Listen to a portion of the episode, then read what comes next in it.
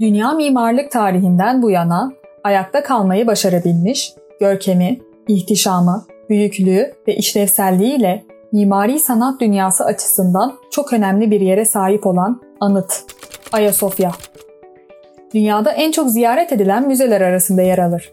Yaklaşık 1000 yıllık kilise, 500 yıllık cami, 85 yıllık müzedir.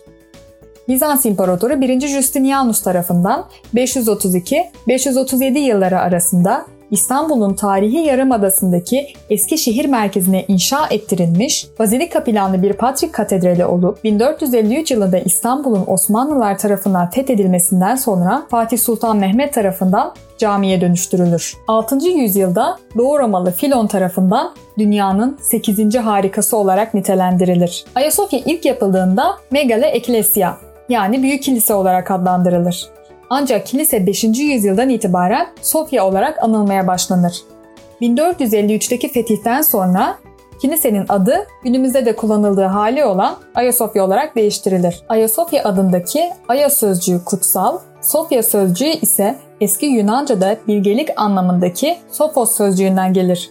Dolayısıyla Ayasofya kutsal bilgelik anlamına gelmekte olup Ortodoksluk mezhebinde Tanrı'nın üç niteliğinden biri sayılır. 1. Konstantinos tarafından Hristiyanlık meşru bir inanç olarak kabul edildikten sonra imparatorluğun farklı alanlarında büyük kiliselerin yapımına başlanır. Ayasofya'nın ilk binası 4. yüzyılda ahşap yapılı bir bazilika şeklinde yapılır. Genellikle bu ilk yapı 1. Konstantinos'a atfedilse de kilise oğlu Konstantios zamanında bitirilir ve Ayasofya'nın ilk yapısının açılış töreni 15 Şubat 360'da yapılır. Bu ilk yapı fazla uzun ömürlü olmaz. Daha sonraları çıkan bir isyan yüzünden yanarak yıkılır. Bizanslılar aynı yerde yeniden bir kilise inşa ederler. Ancak ikinci kilisede birincisi gibi çıkan bir ayaklanmada yanar. Bunun üzerine İmparator Justinianus ayaklanmaya bastırır ve kiliseyi restore etmek yerine eski binalardan daha büyük ve çığır açıcı bir kilise inşa ettirmek ister. Hatta Kudüs'teki İsrail Kralı Süleyman tarafından yapılan Süleyman Mabedi'nden daha büyük bir tapınak inşa edecektir. Ortaya büyük bir servet koyar ve tarihteki son Ayasofya'yı üçüncü kez inşa ettirmeye başlar. Ayasofya'nın daha görkemli olması için imparatorluğun dört bir yanından en güzel mimari parçalar,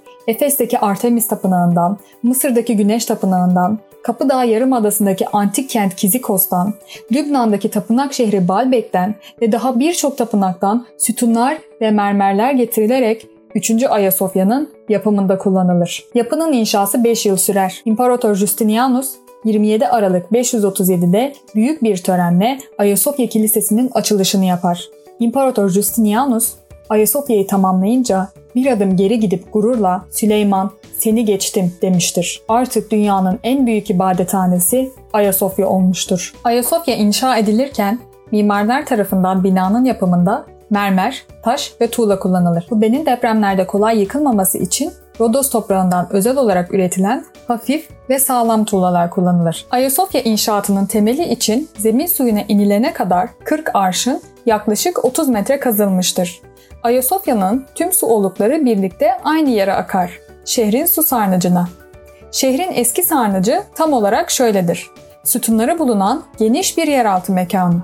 Doğrusu hayli etkileyicidir. Şehrin su ihtiyacını karşılamak için 6. yüzyılda yapılmıştır. Günümüzde yalnızca 1 metre kadar su bulunuyor. İsmi yere batan sarayı, batık saray anlamına gelir. Ve dilek taşı. İnanışa göre dilek tutan kişiler taşa parmaklarını sokarlar. Eğer parmakları ıslanırsa bu dileklere gerçekleşecek demektir. Oysa Ayasofya'nın altında bulunan sarnıç dolayısıyla mermer devamlı olarak suyu çeker, bu yüzden de sürekli ıslaktır. Ayasofya'nın mimarisindeki en önemli yenilik ölçülerinin bir kilise için alışılmamış büyüklükte oluşu, orta mekana hakim olan kubbenin büyüklüğü ve yüksekliğidir. Kubbe yerden 45 metre yukarıda bulunur. Merkez noktasından güneş ışınları gibi yayılan 40 kiriş, 40 kemerli pencereden oluşan daire şeklindeki kemer, duvarda bulunan altına kadar uzanır. Gündüz saatlerinde bu pencereden süzülen ışık altın çinilerin içindeki cam parçalarından yansıyarak Ayasofya'nın ünlü mistik ışığını yaratır. Cennetin kubbesi olarak bilinen parlak altın kubbeyi dört muazzam kemer taşır. Bunların her biri bir dizi yarım kubbe ve pencere alnıyla desteklenmiştir. Bu destekleri aşağılarında bulunan daha küçük yarı kubbeler ve kemerler taşır. Bu da cennetten yeryüzüne doğru akıyormuş gibi görünen bir mimari şekiller şelalesi izlenimi verir. Cennetten yeryüzüne doğru daha doğrusal bir rota çizerek kubbeden aşağı inen kablolar pırıl pırıl parlayan avizeleri taşır. Bu avizeler çok alçakta duruyormuş gibi göründükleri için uzun boylu ziyaretçilerde başlarını çarpacakları izlenimi uyandırır. Gerçekte bu mekanın büyüklüğünden kaynaklanan başka bir yanılsamadır. Çünkü avizeler yerden 3,5 metre yukarıda duruyordur. Ayasofya farklı dönemlerden figürlü ve figürsüz birçok mozaik süsleme ile bezenmiştir. Yapıldığı dönemden günümüze kalan en önemli mozaik bezeme örnekleri Nortex alanında görülebilen figürsüz mozaiklerdir. Tasvir kırıcılık döneminde yapıda bulunan tüm figürlü mozaiklerin kaldırıldığı düşünülür. 843 yılında bu dönemin sona ermesiyle birlikte yapıda yapılan ilk figürlü mozaik apsis mozaiğidir. Galeri katı, tempanon duvarı, nartex, vestibül girişi, papaz odaları olmak üzere yapının birçok yerinde farklı tarihlerde yapılmış figürlü mozaikler bulunur. Ayasofya'nın büyük kubbesine geçişi sağlayan dört pandantifin üzerinde dört melek resmi bulunur. Ortodoks inancına göre kubbe gökyüzünü, zemin ise yeryüzünü simgelemektedir. Tam ortaya konan melekler gökyüzündeki tanrıyla yeryüzündeki insanlar arasında iletişim sağlar. Ayasofya'nın duvarları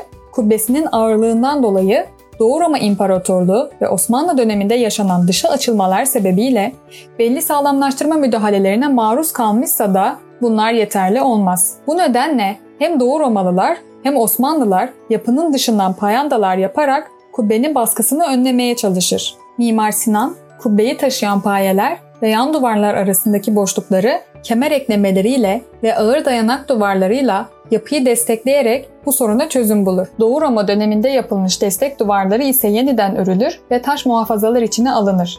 Ayasofya'nın merkezi kubbesi Bizans döneminde birçok kez çökmüş, Mimar Sinan'ın binaya payandaları eklemesinden itibaren hiç çökmemiştir. Ayasofya dört minareli bir cami olmuştur.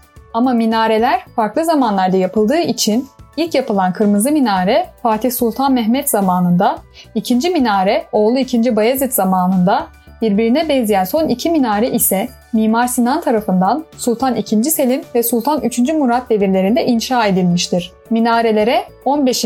16. ve 19. yüzyıllarda yapılan onarımlarda dönemin üslubuna göre süslemeler eklenir. Her birinin tek şerefesi ve gümüş grisi bir alemi bulunan dört minare binanın köşelerinden yükseliyordur. Merkez kubbeden o kadar uzaktırlar ki aynı yapıya ait olduklarına inanmak güçtür. 1923'te Cumhuriyet'in ilanından sonra cami olarak kullanılmaya devam etse de Ayasofya Mustafa Kemal Atatürk'ün emri ve Bakanlar Kurulu kararı ile 1935 yılında müzeye dönüştürülmüştür. Cumhurbaşkanı Mustafa Kemal Atatürk'ün verdiği izin sonrası başlayan çalışmalar 15 yıl sürer ve 1947'de tamamlanır.